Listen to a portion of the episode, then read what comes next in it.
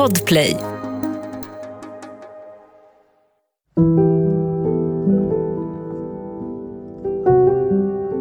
En 17-årig tjej cyklar hem från sitt arbete ovetandes om vad som snart ska hända.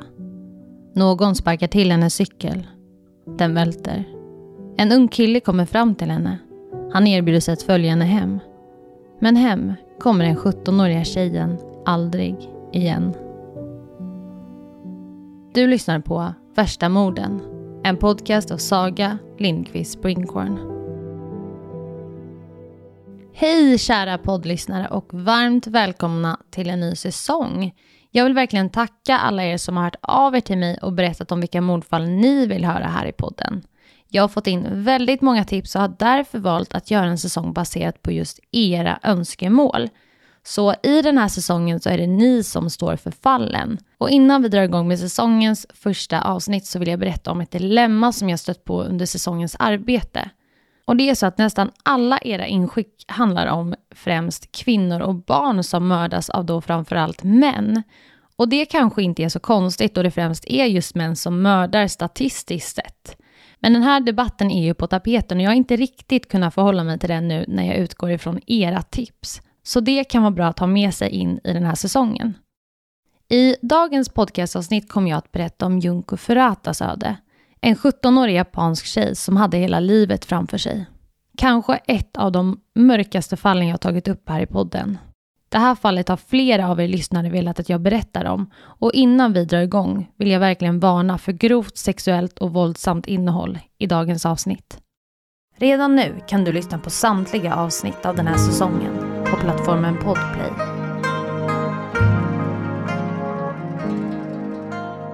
November 1988.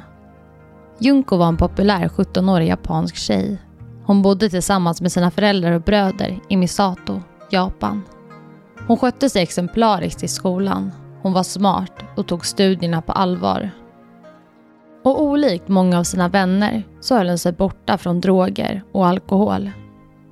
Vid sidan av sina studier arbetade hon extra.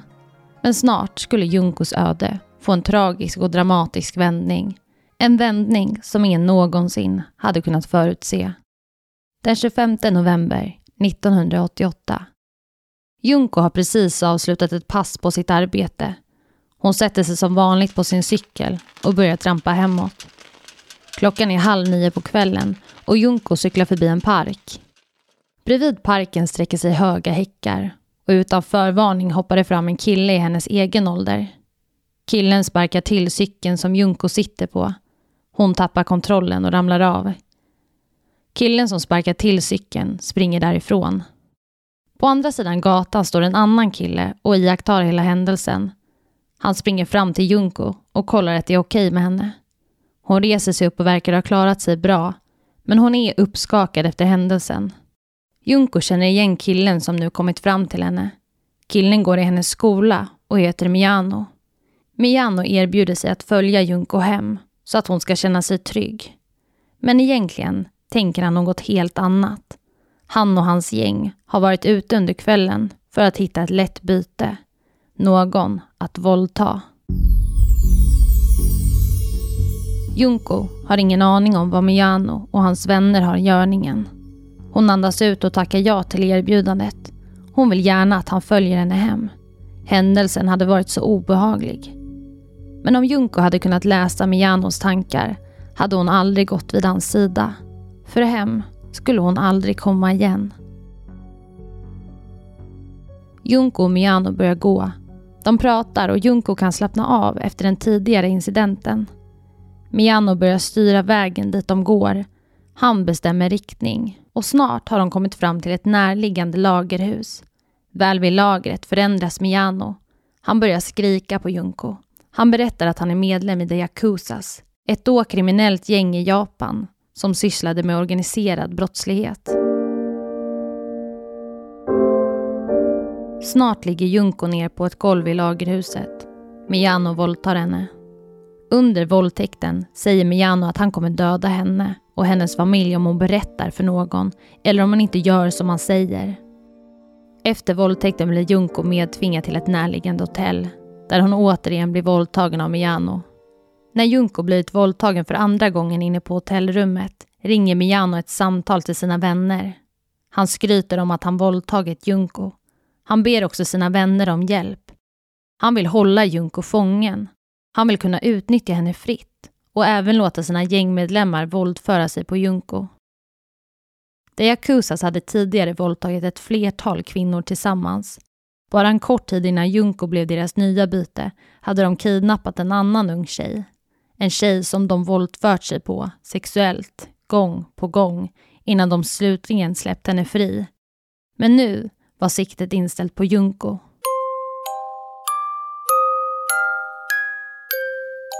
Klockan är runt tre på natten och Miyano tar med Junko till en park där de möter upp några andra killar från gänget de Yakuzas.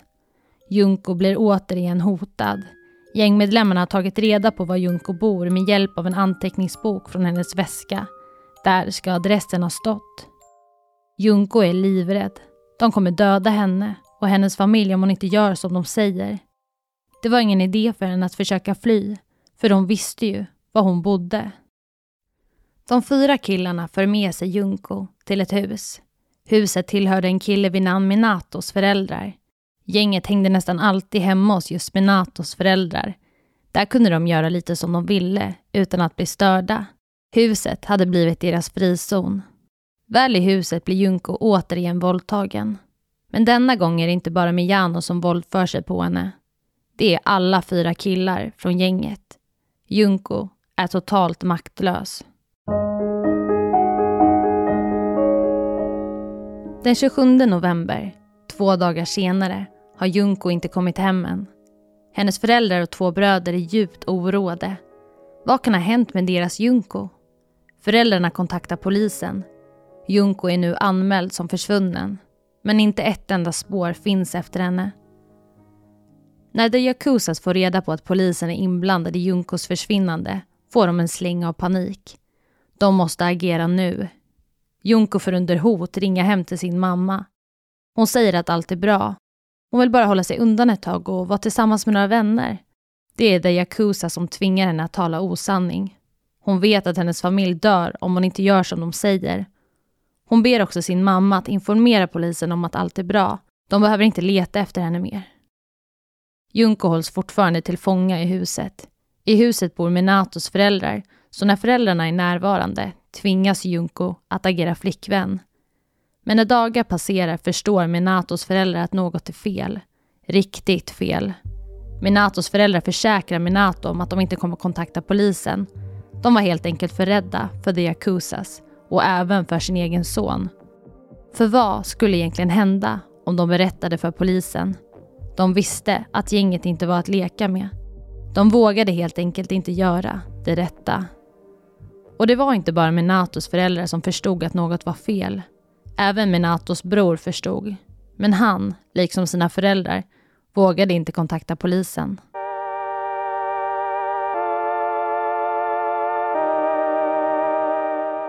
Ja, då stannar vi upp här lite. Vi ska alldeles strax lyssna vidare, men varför jag stannar upp här är för att jag verkligen vill varna för mycket grovt, våldsamt och sexuellt innehåll.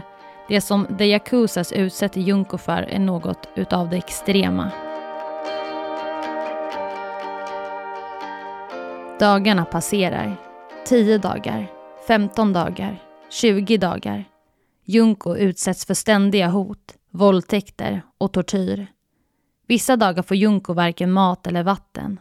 Hon blir upphängd i taket, likt en slagsäck. Gängmedlemmarna slog på Junkos nu sköra kropp samtidigt som hon dinglade över golvet, fram och tillbaka. Slag efter slag. Vid ett tillfälle tvingades Junko äta levande kackerlackor. Hon tvingades också dricka sitt egna urin och onanera framför gängmedlemmarna som åskådare. Tortyr, våldtäkt och hot fyllde nu Junkos dagar. Medlemmarna, ur the Yakuzas, tvingade henne att föra in olika föremål i sin vagina ett av föremålen ska ha varit en glödlampa. Hennes vagina brändes med hjälp av tänder och cigaretter. Hennes ögonlock brändes med flytande smält vax. Och vid ett tillfälle knipsade en av medlemmarna av Junkos ena bröstvårta med en tång. Hon blev också piercad med synålar. Jag har läst om det här fallet nu om och om igen för att få fram tillräckligt med information till det här avsnittet. Och det finns ju inga ord för vad Junko blir utsatt för. Och faktum är att förloppet hade kunnat stoppas redan dag 16. Alltså när Junko varit kidnappad i 16 dagar. Det är då en kille som kommer hem till sin familj efter att ha varit i samma hus som Junko suttit tillfångatagen i. Han påstår att han har blivit tvingad att våldta Junko. Han ville verkligen inte men vågade inte säga emot gänget. Efter vad han menar vara den påtvingade våldtäkten så berättar han om det här för sin bror. Brodern berättar sedan för sina föräldrar och föräldrarna väljer att agera. De kontaktar i sin tur polisen. Så återigen, Junko har varit kidnappad i 16 dagar och plötsligt knackar det på dörren. Det är två poliser som står utanför huset som Junko sitter tillfångatagen i. Minato öppnar och välkomnar poliserna in. Ett spel bakom gallerierna. Han säger att de gärna får genomsöka huset. Inga problem. Polisen drar sig då tillbaka. Inte kan Minato som är så trevlig och tillmötesgående ha kidnappat en flicka. Då hade han ju aldrig bjudit in poliserna till sig, tänker de. Poliserna som hade kunnat rädda Junkos liv kliver alltså inte in i huset. Det här har givetvis blivit enormt omdebatterat i efterhand. Ett sånt felaktigt beslut av de båda två. Något som senare ledde till att poliserna fick sparken. Nu ska vi gå vidare och jag vill återigen varna för grovt sexuellt och våldsamt innehåll.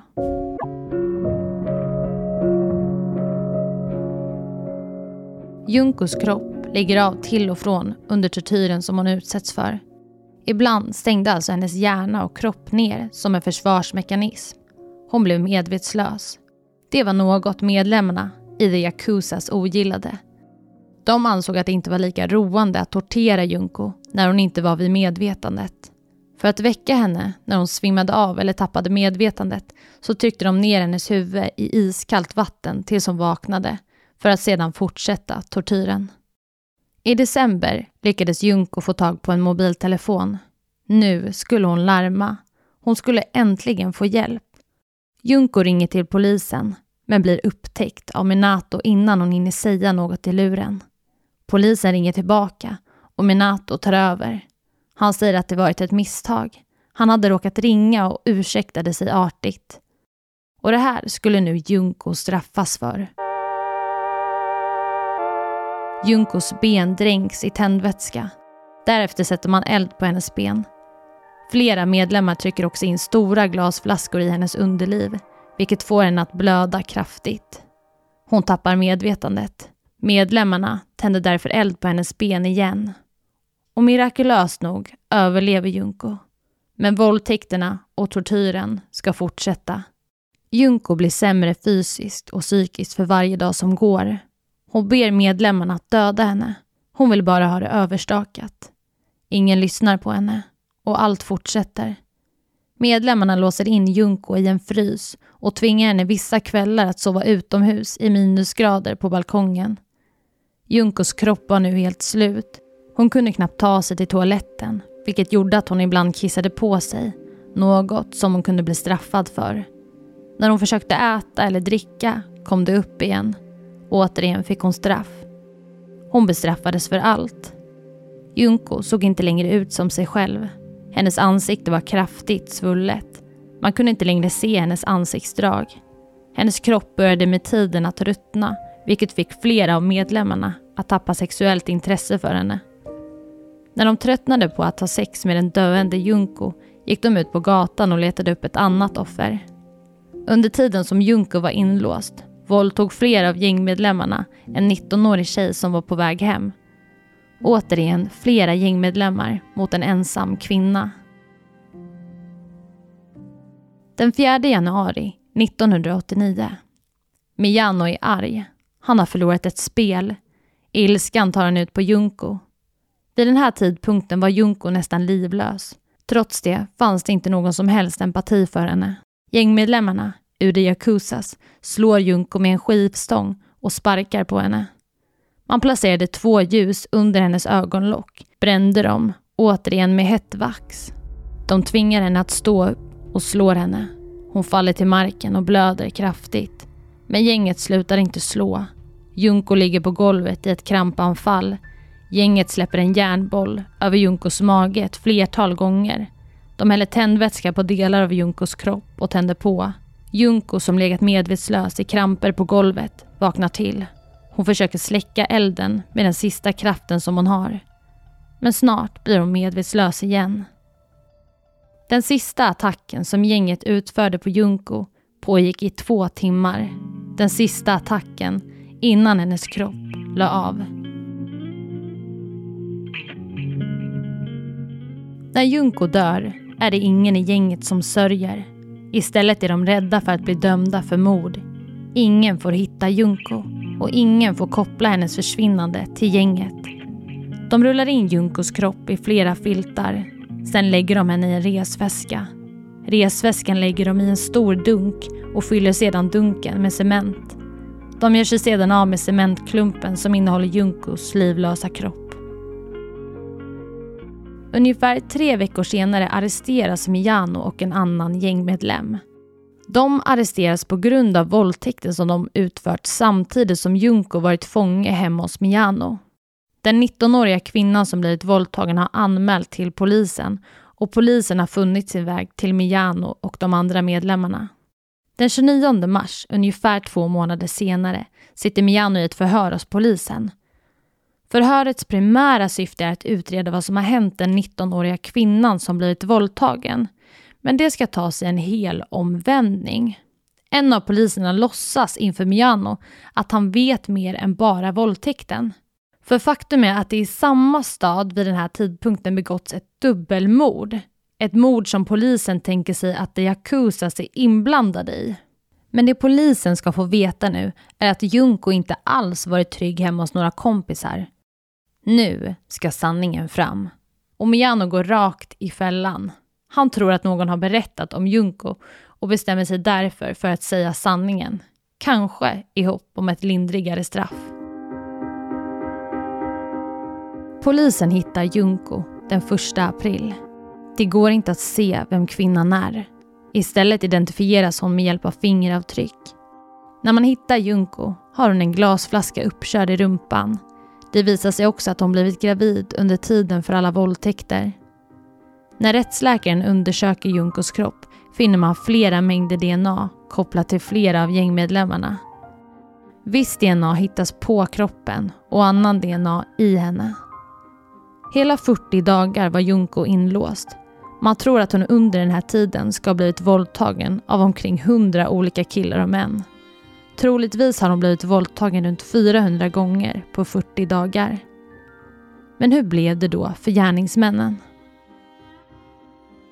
Jo, Minato och Miyano och ytterligare två killar är de som polisen pekar ut som gärningsmän.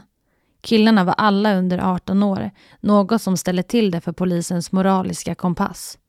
I och med att killarna var under 18 år skulle deras namn inte bli offentliga och inte spridas vidare. Men när journalister får reda på vilka som ligger bakom det hemska dådet kan de inte låta bli. Killarnas namn skrivs ut i tidningarna. De förtjänar inte anonymitet, enligt flera medier. De fyra gärningsmännen, däribland Miano och Minato som är ledande figurer i händelsen, erkänner att de skadat Junko men inte uppsåtligt dödat henne. Miano döms till 20 års fängelse. Miyanos föräldrar blir också tvungna att betala skadestånd, vilket tvingar dem att sälja sitt hus för att få in pengar. Miano är nu år 2021, ute ur fängelse. En fri man. Minato satt i fängelse i åtta år. När han slutligen blev frigiven flyttar han hem till sin mamma och har inte arbetat sedan dess. Minato arresteras på nytt år 2018 då han försökt döda en 32-årig man.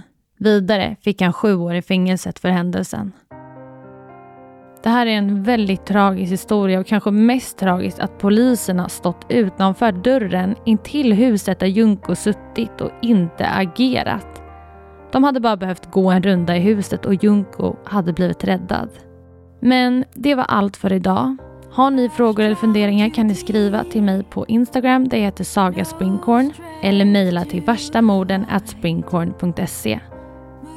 Nästa vecka kommer jag berätta om en treåring som försvinner från ett köpcentrum. Och det som sker därefter är en ren och skär tragedi. Och redan nu kan du lyssna på det avsnittet på plattformen Podplay där också alla avsnitt från säsongen redan nu är publicerade. Tack för att du har lyssnat på dagens podcastavsnitt.